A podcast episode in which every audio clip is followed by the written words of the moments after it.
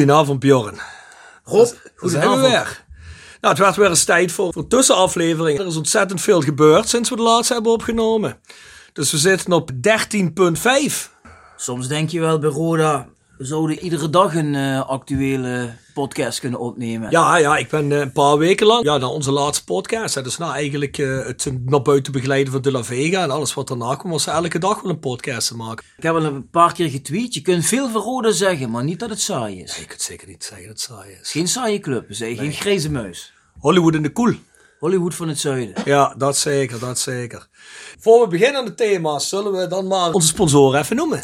Ja, we zitten vandaag bij Nextdoor Kapsalon aan de Locht 44A8 in Kerkrade. Ja, ik heb mezelf weer kunnen overtuigen van de, de professionele setting. Dus mensen, kom er knipje doen. Nagels, beautybehandeling.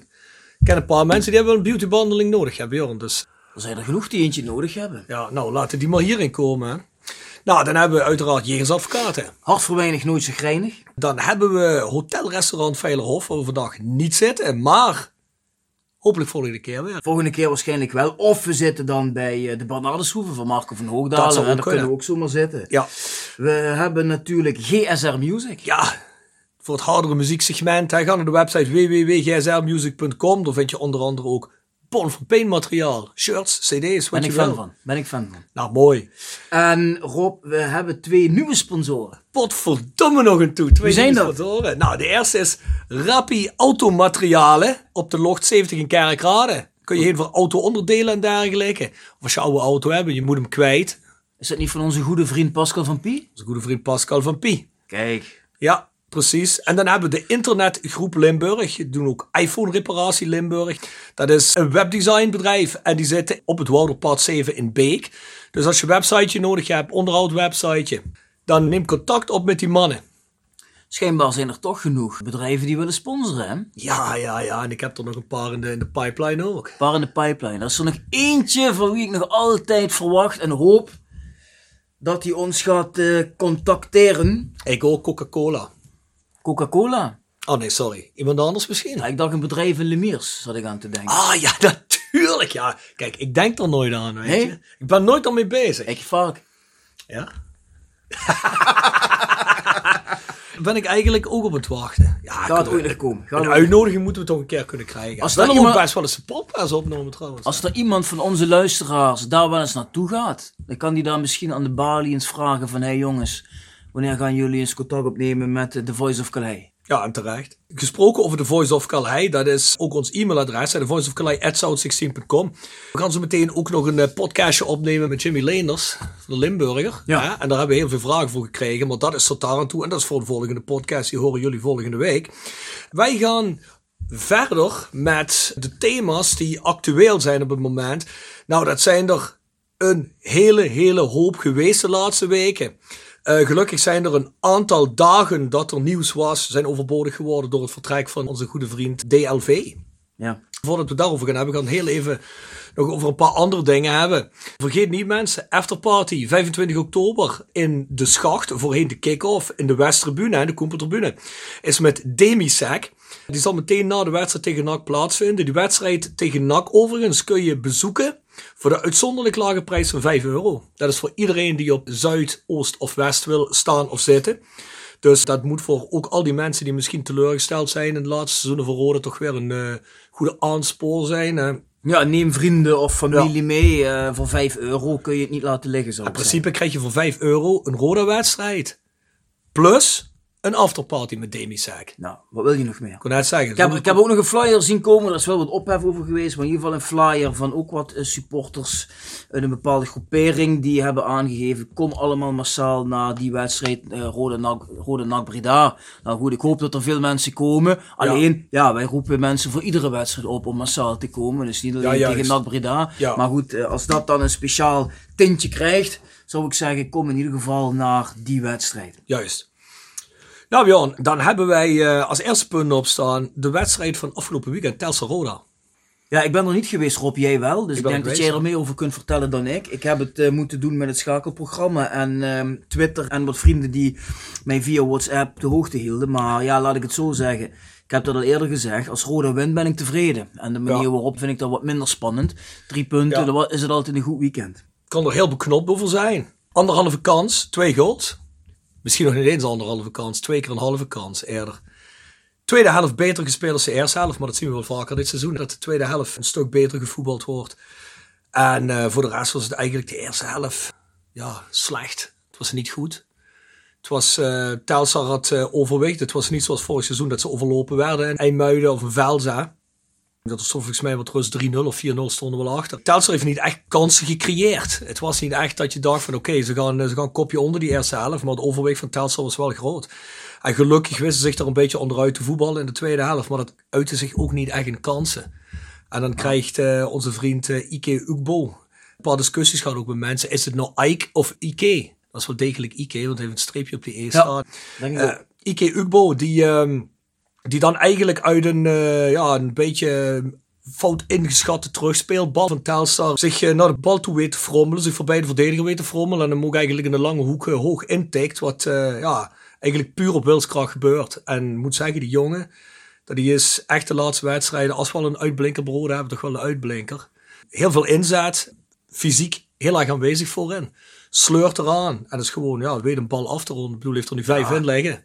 Voor een nummer 14 op de ranglijst vind ik dat toch erg goed. Als je er vijf in hebt liggen, dan doe je het gewoon goed. Mhm. Zo simpel is dat. Kijk, die jongen komt van Chelsea, die heeft toch een bepaalde opleiding gehad. Ja. Ik denk zelf dat hij qua voetbal nog beter kan dan dat hij nu laat zien. Maar ik hoop dat hij die lijn qua doelpunten kan doortrekken. Maar ja, er, zijn nog niet echt veel andere jongens die eh, regelmatig scoren. Ik denk dat Nee. een Jordi Kroeks, die hikt echt tegen zijn eerste doelpunt aan. Ja. En de tweede was een, eh, ja, een doelpunt van eh, Niels Verburg. Ben Leuk ik wel eens, ben ik wel eens kritisch op geweest. Maar Ja. ik vind het wel eh, leuk voor hem. Ik vind hem ook de laatste twee wedstrijden, in ieder geval die thuiswedstrijd wat ik gezien heb tegen de Graafschap, stond hij ook zijn mannetje. Ja, hij speelde nu ook tegen Telstar eigenlijk een goede wedstrijd. Ik wil niet zeggen dat het een mega-wedstrijd was, maar een solide wedstrijd. Het was niks op aan te merken. Twee minuten voor tijd eh, verscheen die op die rebound, eh Ja. de kopbal van Derrel. Goed voor hem. Ja, super. Nou, ik denk dat we ook concluderen van Telstar Roda. Niet al te best gespeeld. Anderhalve kans, drie punten. Nou, who cares? Dat is het belangrijkste nu. Kijk, ik bedoel, het aandeel in de wedstrijd en, en het genieten van een wedstrijd vind ik met name thuis. Als je uit de punten een beetje steelt, hoeft het niet eh, heel mooi te gaan. Maar als je daar drie punten uitpakt, is het gewoon prima. Nee, als je zorgt dat je in ieder geval na die drie uur rijden naar Velzen genoeg alcohol op had, was het niet zo erg. Als je niet drinkt, dan eh, denk ik dat het toch wel problematisch was voor. Maar je speelt nu thuis tegen Helmond. Ja, die moet je natuurlijk wel weer winnen. Anders heb moet je je die drie pakken. punten zijn weer voor niks geweest. Kun je En niet zeker, vooral kijken op het feit dat KNVB heeft ons wel puntenaftrek gegeven van drie punten. Dus al die punten zijn meer dan welkom. Want die puntenaftrek, is dat nou daadwerkelijk een feit? Want volgens mij op de ranglijst zijn ze nog niet afgetrokken. Nou, volgens mij is het een voornemen van de KNVB. Die hebben aangegeven, wij gaan drie punten in mindering brengen. Maar je kunt daar tegen in beroep gaan. Ja. En volgens mij heb ik in de media gelezen dat Rode dat wel wil gaan doen. Mhm. Nou, zou je die beroepsprocedure bij de KNVB winnen, dan blijft het zo. Krijg je geen minpunten. Verlies je hem, dat moment gaan ze er pas daadwerkelijk vanaf. Ja, oké. Dus nog even onder voorbehoud. Ja, Nou goed, dan staan we nu op negen punten naar hoeveel wedstrijden? Acht? Ik moet even niet bijhouden. Volgens mij negen ja. uit negen, Negen, uit negen. Ja, staan we veertiende. Als je wint komende zaterdag tegen Helmond, dan Ja. vind je in ieder geval aansluiting met middenveld. Dat zou niet eens zo slecht zijn. We zijn nog niet waar we moeten zijn. Hè? Ik ben nog niet zo bezig met de stand op de ranglijst. Kijk, als je wedstrijden gaat winnen, dan eh, ga je zo plekken stijgen op die ranglijst. Ik denk dat je gewoon moet Ja. concentreren op punten pakken. En dan eh, het komt zich toch aan op mogelijk kijken of je een periode kunt winnen. Denk ik. Ik zou graag willen dat ze een beetje stabieler beginnen te spelen. Een beetje, moet ik zeggen, ik zie, ik zie vaak in tweede helften zie ik vaak dingen waarvan ik denk, ja, waarom start je niet zo? Ja, weet je wel? Ja. Geconcentreerder beginnen. We hebben veel doelpunten tegengekregen al in de eerste vijf minuten. Dat is twee, drie wedstrijden gebeurd. Ja, dat is volgens mij toch een concentratieprobleem. Tweede helft weten ze het meestal wel dicht te houden. Dus ja, maar goed, laten we het erop houden dat, ja, dat het in nu langzaam wel te kunnen. rollen. Ja. Dan komen we bij eh, wat inmiddels misschien alweer geen nieuws meer is, maar dat is heel de wereld overgegaan. Het verwijderen van de fans van eh, De La Vega uit het Parkstad eh Limburg Stadion. Uiteindelijk is hij eh, helemaal weg. Nou Bjorn, wat zeg jij, hoe groot een rol hebben de fans hierbij gespeeld? Ja, is natuurlijk moeilijk te meten, maar ik denk uiteindelijk wel dat die actie van de fans de aanzet is geweest tot het concrete vertrek van eh, De La Vega. Want toen zijn bij de nodige partijen denk ik wel de ogen geopend van oh jee, dit is echt een doodlopend spoor, dit kan niet meer.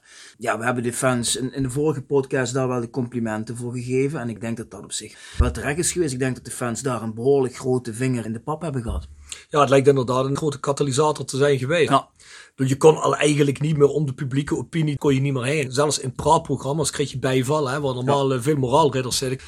De man begon zich ook ontzettend belachelijk te maken daarna. Dus ik denk dat ook personeel misschien daar een uh, rol bij heeft gespeeld. Door gewoon niet meer te komen opdagen. Door te zeggen, nou, uh, wij melden ons massaal ja. ziek.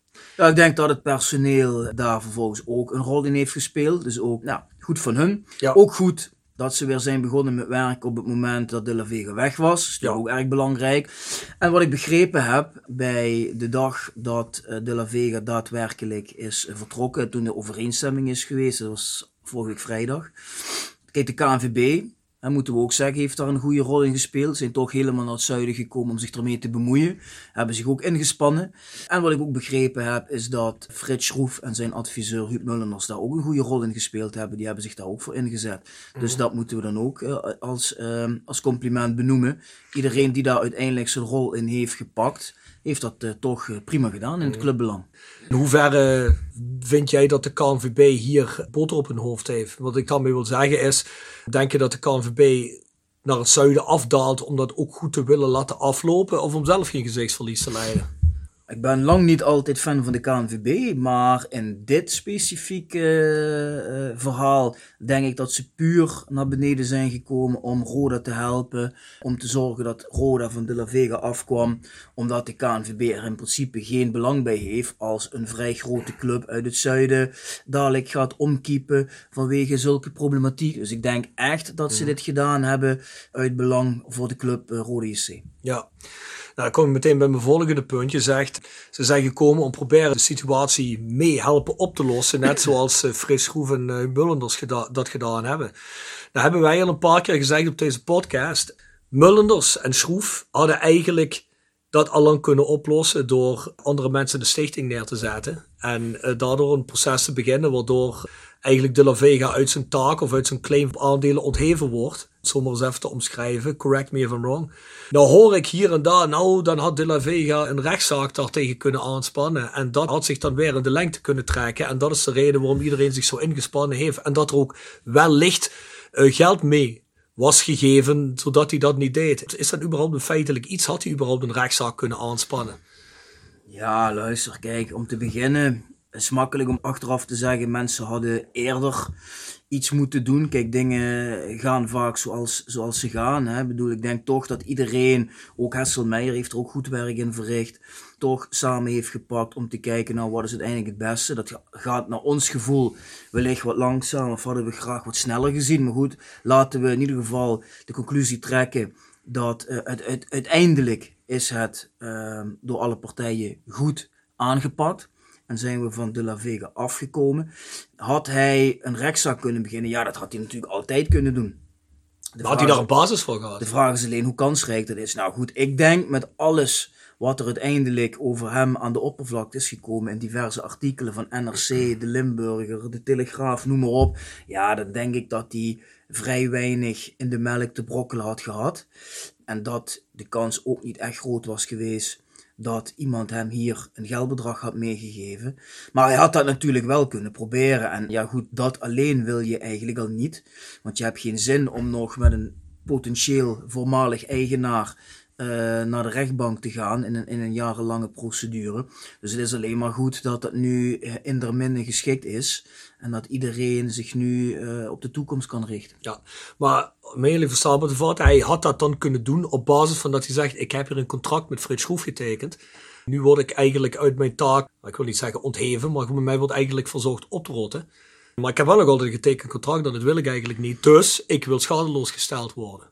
Dat had hij. eh, Er even vanaf gezien of je dit gaat winnen of niet. dat had hij eventueel kunnen roepen. Van luister, ik heb een contract, ik zou de nieuwe eigenaar worden. En ik ben van mening dat het nog allemaal eh, goed kan komen. Dus ja, dan moet je mij de kans geven. Zoiets had hij misschien kunnen roepen. Maar goed, ik denk niet dat het vrij kansrijk was geweest. Maar ik denk dat het nu eh, op deze manier goed opgelost is. Mhm. Dus puur om alles in de stroomversnelling te brengen om van hem af te komen. Hè? Ja, lijkt me wel.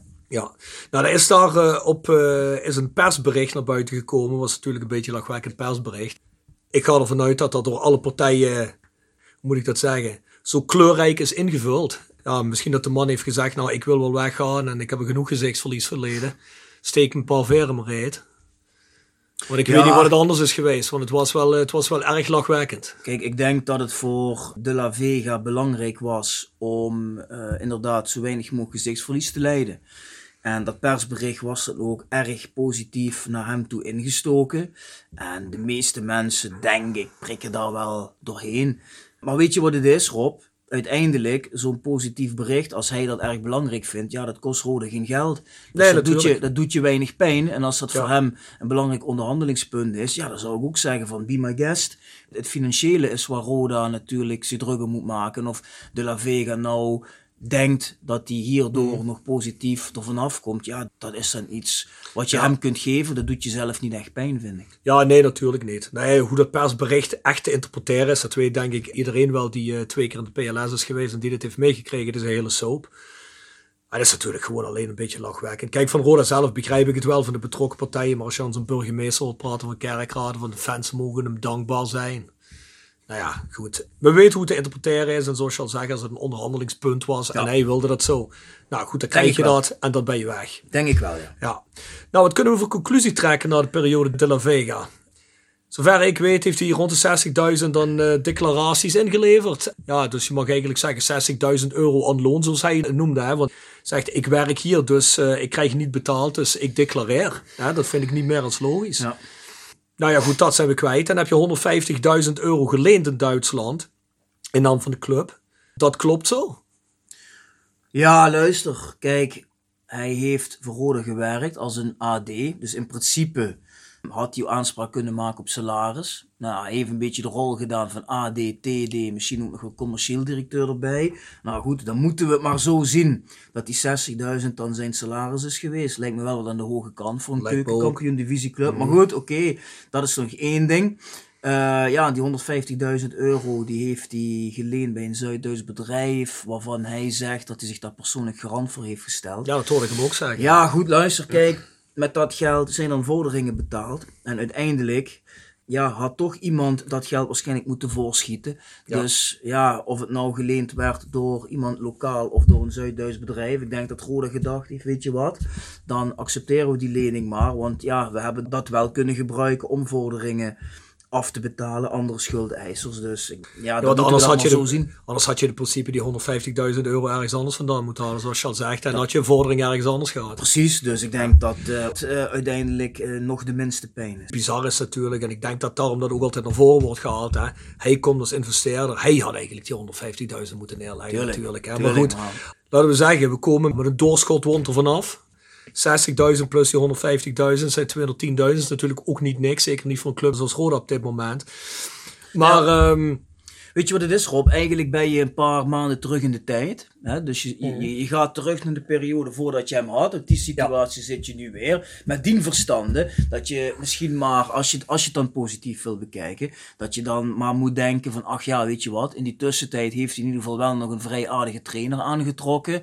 En een goedkopere selectie neergezet, die wellicht wel meer kwaliteit in zich heeft dan vorig seizoen. Dus ja, wat dat betreft heeft het dan misschien nog iets opgeleverd. ja, dat is de ironie van alles. Want als hij dat zegt op een persconferentie, is dat ook het enige wat niet gelogen is volgens mij. Nee, dat klopt. Zo, als je er zo naar kijkt, ja, dan, dan valt daar nog wel een positief element uit te halen. Dat is dan ook het enige. Ja. Overige conclusies misschien nog die we kunnen trekken. Hebben we nog iets geleerd van deze periode? Ja, kijk, daar hebben we het natuurlijk al over gehad. Wat je leert is dat je natuurlijk mensen van tevoren beter moet screenen. Alleen voor ons vanaf de zijlijn is dat natuurlijk ook wel makkelijk roepen. Hè? Kijk, als je als club met de rug tegen de muur staat en de tijd dringt, want er moeten rekeningen betaald worden. Ja, en er komen dan wat gelukzoekers op je af. En iemand trekt dan de beurs. Ja, dan ben je al snel geneigd met dat verhaal mee te gaan. Ik bedoel, eh, je ziet het niet alleen bij Roda, maar ook bij andere clubs. Maar het heeft natuurlijk ook een, wel een beetje te maken met de situatie waar je in zit. Ja, ben ik het helemaal mee eens. Kijk, als het, dat het paniekvoetbal is geweest, dat, ik denk dat we die conclusie al eerder hebben getrokken in de podcast. Want ik kan me niet voorstellen dat jij met open ogen daarin loopt. Alleen wat ik daaraan wil toevoegen is, kijk, je, je weet van tevoren dat je van de club af wil. Dat wist Frits niet sinds drie maanden geleden en ook niet sinds zes maanden geleden. Frits wist al eerder dat hij op een gegeven moment van de, van de club af wilde.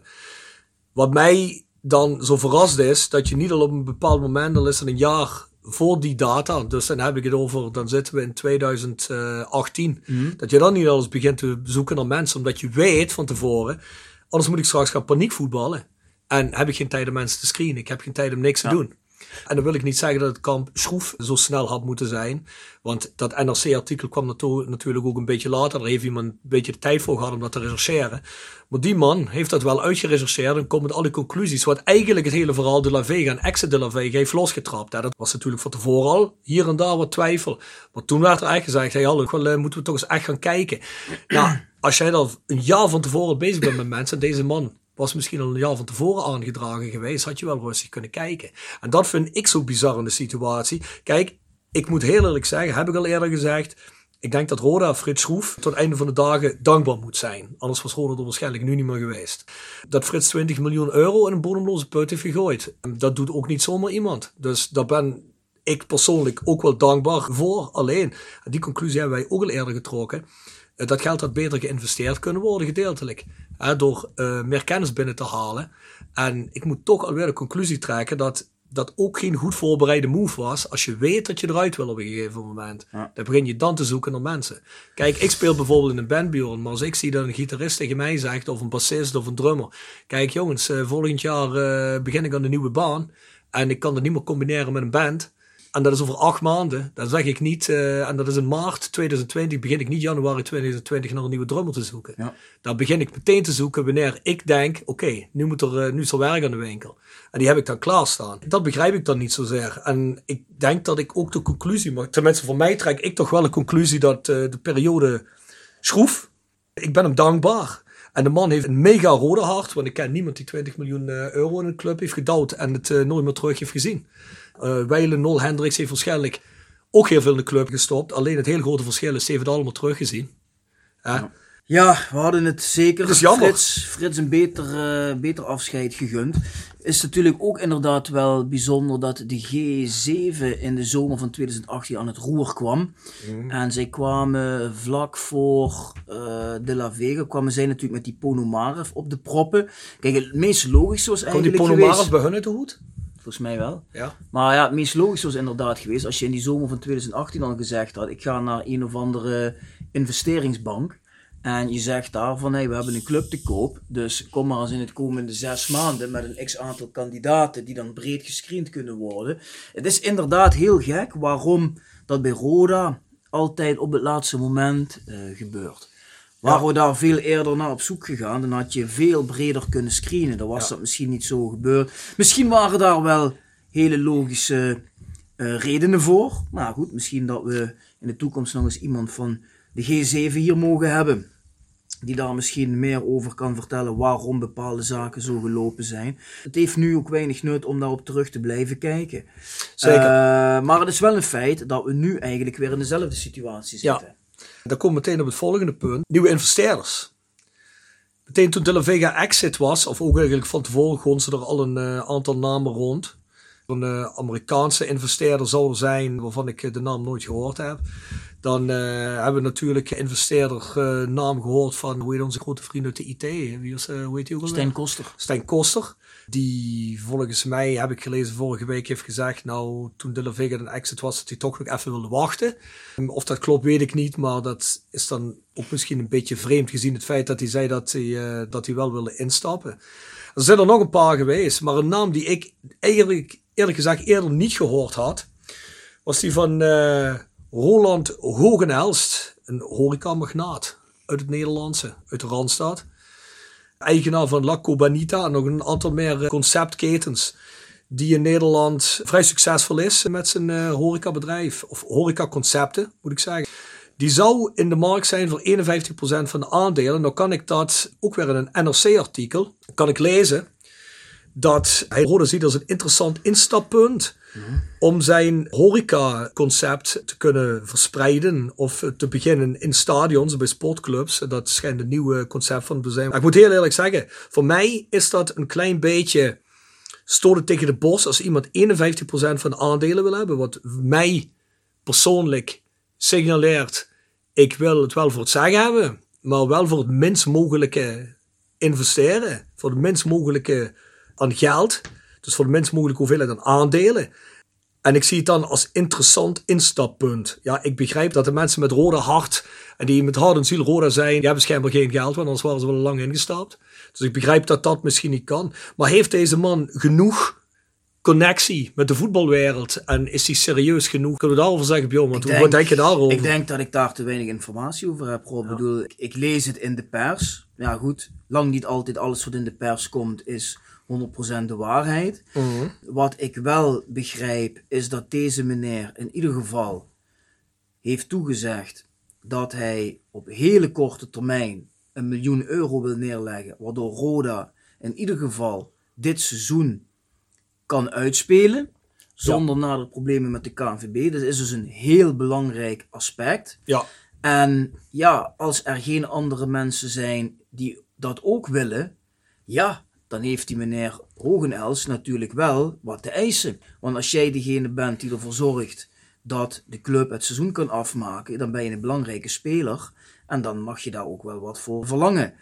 Wat hij uiteindelijk beoogt qua horeca of hoe hij het met de club voor heeft, ja, dat weet ik op dit moment niet. Maar het is in ieder geval wel iemand die dus mogelijk ervoor zorgt dat Rode dit seizoen kan afmaken en in de komende jaren in ieder geval zorgt dat de tekorten zijn afgedekt. Ja, dan doe je in ieder geval iets wat de club heel goed kan gebruiken. Dat is iets wat duidelijk is, ja.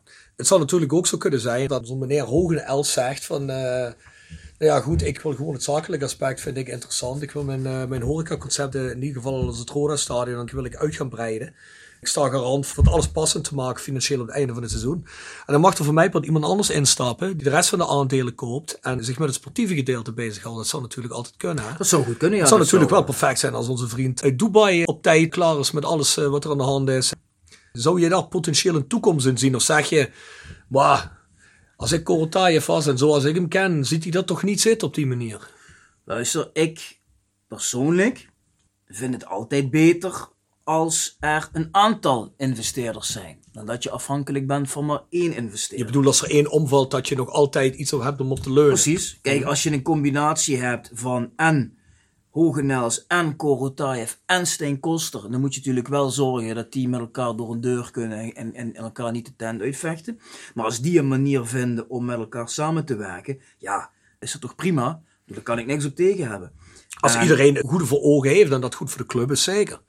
Kijk, en Korotayev, ja, dat blijft natuurlijk altijd wel een aanlokkelijke kandidaat. Daar hebben we het al vaak over gehad. Hebben we daar trouwens nog een update over of niks meer gehoord? Nou goed, de update die we weten is dat de Hoge Raad in Dubai in cassatie, dus de laatste instantie, Helene ook weer heeft veroordeeld voor het vervalsen van de handtekening van Korotayev. Dus dat is een groot juridisch succes. Alleen dan ben je er nog niet. De civiele rechter had de zaak waarin Helene geld van Alexei claimt, gekoppeld aan die strafzaak in cassatie. Dus in principe zou die civiele rechter nu moeten zeggen: oké, nu we weten dat Helene de handtekening heeft vervalst en gefraudeerd heeft, heeft Helene ook geen geldvordering op Alexei. Dat lijkt logisch. Dus moet die geldvordering worden afgewezen. En als dat gebeurt, dan mag Alexei weg. Dan kan die naar kerkraden vliegen. En, en mag dat moment, geld? Ja, dat bepaalt dan uiteindelijk weer de bank. Oké. Dus de bank heeft zijn geld zijn tegoede bevroren. En dan moet hij met die uitspraak van die civiele rechter van hallo jongens, kijk, ik hoef hmm. niks te betalen aan Helene. Dan zou de bank moeten zeggen, ja oké, dan uh, hoeven wij jouw geld niet meer te bevriezen. Dan ben je vrij om te gaan en, en, te staan en te doen met je geld wat je wil. Dus dat lijken logische vervolgstappen. Alleen, ja, het moet wel nog eerst even gebeuren. En je weet niet in Dubai of die civiele rechter dat morgen beslist. Of dat die zegt, "Mwah, ik ga daar eens in november naar kijken. Ja, dat weet je niet. Dus Ja. dat blijft afwachten. Maar daar hebben we niks meer over gehoord. Hè. Er is geen nieuws van wat daar de stand van Nee. zaken is over het civiele proces. Nee, is geen nieuws op dit moment. Nee, oké. Nou goed, eh, wordt vervolgd zou ik zeggen. Ik heb wel even nagekeken, hè. die eh, Roland Hogenelst.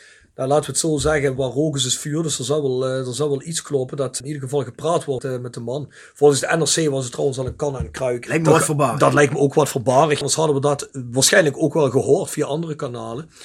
Die is eh, met de klaskantine BV hoofdsponsor van de Alphonse Boys. Ik weet niet of ze inmiddels al derde divisie spelen of dat het nog altijd een hoofdklasser is. Geen idee. Ik heb, het de niet, eh, ik heb het niet gegoogeld. Ja, er zit eh, een grote connectie met Kees Jansma, die volgens mij eh, de goede man ook heeft binnengehaald bij Alphonse Boys. Waar die ook gezegd in een perscommuniqué, of in ieder geval Kees Jansma zegt dat dan. Ik eh, heb een hoofdsponsor binnengehaald en die gaat ons naar een nieuw niveau tillen. Ik, volgens mij zei die promotie eh, derde divisie, dus volgens mij zitten ze daar nog niet. En wellicht verder omhoog. Ik ben een beetje benieuwd. Kan dat een conflict gaan vormen? Of mag dat überhaupt wel via de KNV van de KNVB? Ik weet het niet zo goed. Dus, eh, Ik zou niet zo 1, 2, 3 weten waarom dat niet zou mogen. Volgens mij is Alphense, Boy, Alphense Boys geen BVO, een betaald voetbalorganisatie. Daarbij is de hoofdsponsor klasse kantine BV, hoor ik van jou. Terwijl volgens mij meneer Hogenels in privé zich zou willen gaan bezighouden met Roda. Ja. Maar volgens mij heb je het hier over een profclub en een amateurclub. Dus ik denk niet dat dat enig probleem eh, zou moeten opleveren. ja. Ga ik niet vanuit. Nee, Ja, en Kees Jansma, daar heb ik wel eh, de afgelopen dagen op Twitter wel wat, wat commotie over voorbij zien komen. Want die man die heeft recent weer in een programma geroepen van ja, misschien moeten de Zuid-Limburgse clubs toch nadenken over een FC Limburg. Waardoor mensen nu bang zijn omdat Jansma een vriend is van Hogenels, dat Roda dus gaat fuseren. Denk ja, dat is gewoon iets wat die Kees Jansma een keer geopperd heeft. Maar ik denk ook helemaal niet dat Kees Jansma zich met Roda bezig gaat houden. Dat is puur iets van meneer Hogenels zelf als Dat het doorgaat. En Kees Jansma staat daar verder buiten. Kees Jansma is ten eerste volgens mij een echt vervent Alphense Boys aanhanger.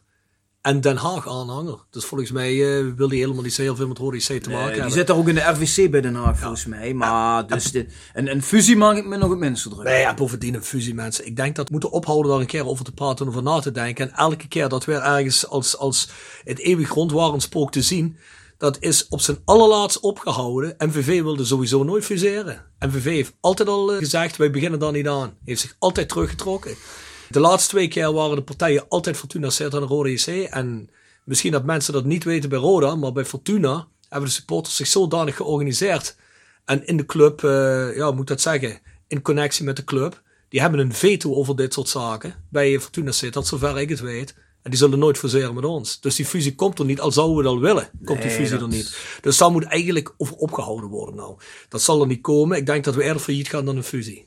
Denk ik ook. Maar ik vind het wel vervelend dat iedere keer weer mensen in de media daarover beginnen. Dan denk ik, jongens, kom eens met wat originelers en hou daar eens een keer over Ja, maar weet je wat dat is, Bjorn? Dat is ook, en dat merk ik ook heel erg aan die, eh aan die De La Vega-zaak nu. Hè? Of het nu voetbal inside is, of het nu gedeeltelijk de lokale media zijn, of het nou een eh, studio voetbal is.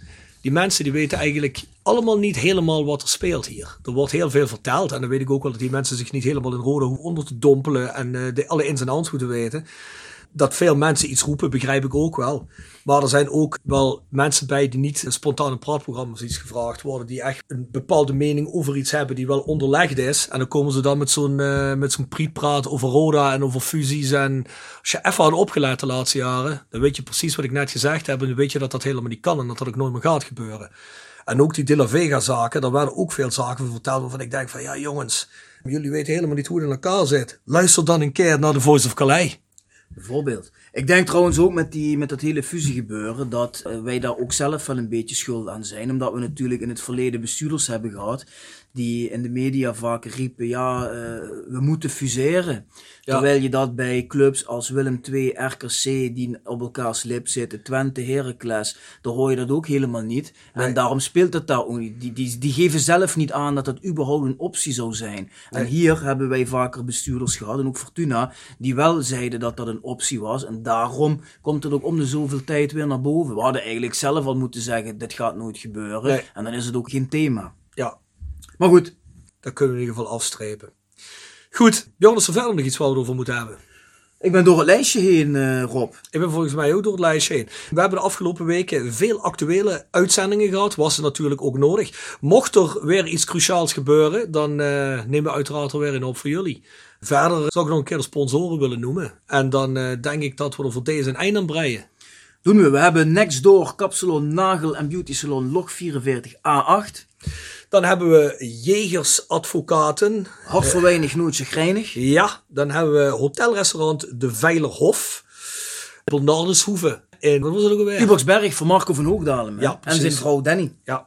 Dan hebben we GSR Music voor het hardere muzieksegment www.gsrmusic.com.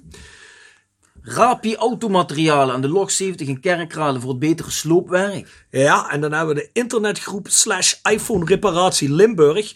Op Bebouwderpad 7 in Beek. Uh, voor al je webdesign en, zoals ze allemaal zeggen, iPhone reparaties. Wellicht ook andere reparaties, wie weet. En het wordt zoals altijd gepresenteerd door... South 16. Mensen, je wil nog iets zeggen, Bjorn? Ja, ik wou nog zeggen van, heb je nou zelf een bedrijfje en denk je, oh, ik vind het leuk als die boys mijn naam ook noemen, neem dan contact op, want je zult zien dat we er altijd wel uitkomen financieel. Daar komen we altijd wel uit financieel. Doe dat. Ja, nou, dan zou ik zeggen, mensen, we spreken elkaar wel volgende week. En tot ziens. Bedankt voor het luisteren en tot gauw.